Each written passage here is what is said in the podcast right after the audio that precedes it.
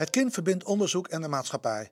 Deze zomermaand een greep uit wat er zo al gebeurt op klimaatgebied. Kennis verbindt. Vandaag in editie 30 van de Kindcast. Regels over het milieu moeten vastgelegd in het recht.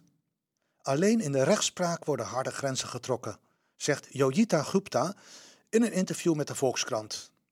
Daarom gelooft deze hoogleraar Milieu en Ontwikkeling van het Mondiale Zuiden in een milieugrondwet die voor de hele wereld moet gelden.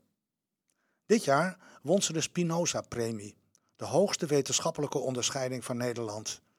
De anderhalf miljoen euro die haar dat opleverde, wil ze gebruiken om te werken aan zo'n mondiale grondwet.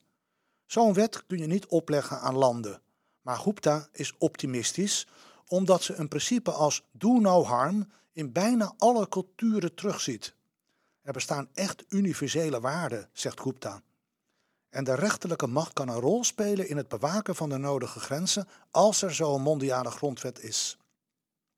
De milieu-impact van een hele kleine groep rijke mensen is even groot als die van de armste mensen, die samen bijna twee derde van de wereldbevolking vormen.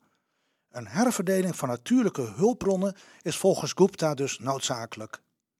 In haar onderzoek staat steeds het doorgronden van de samenhang tussen de klimaatcrisis, mogelijke oplossingen en rechtvaardigheid centraal.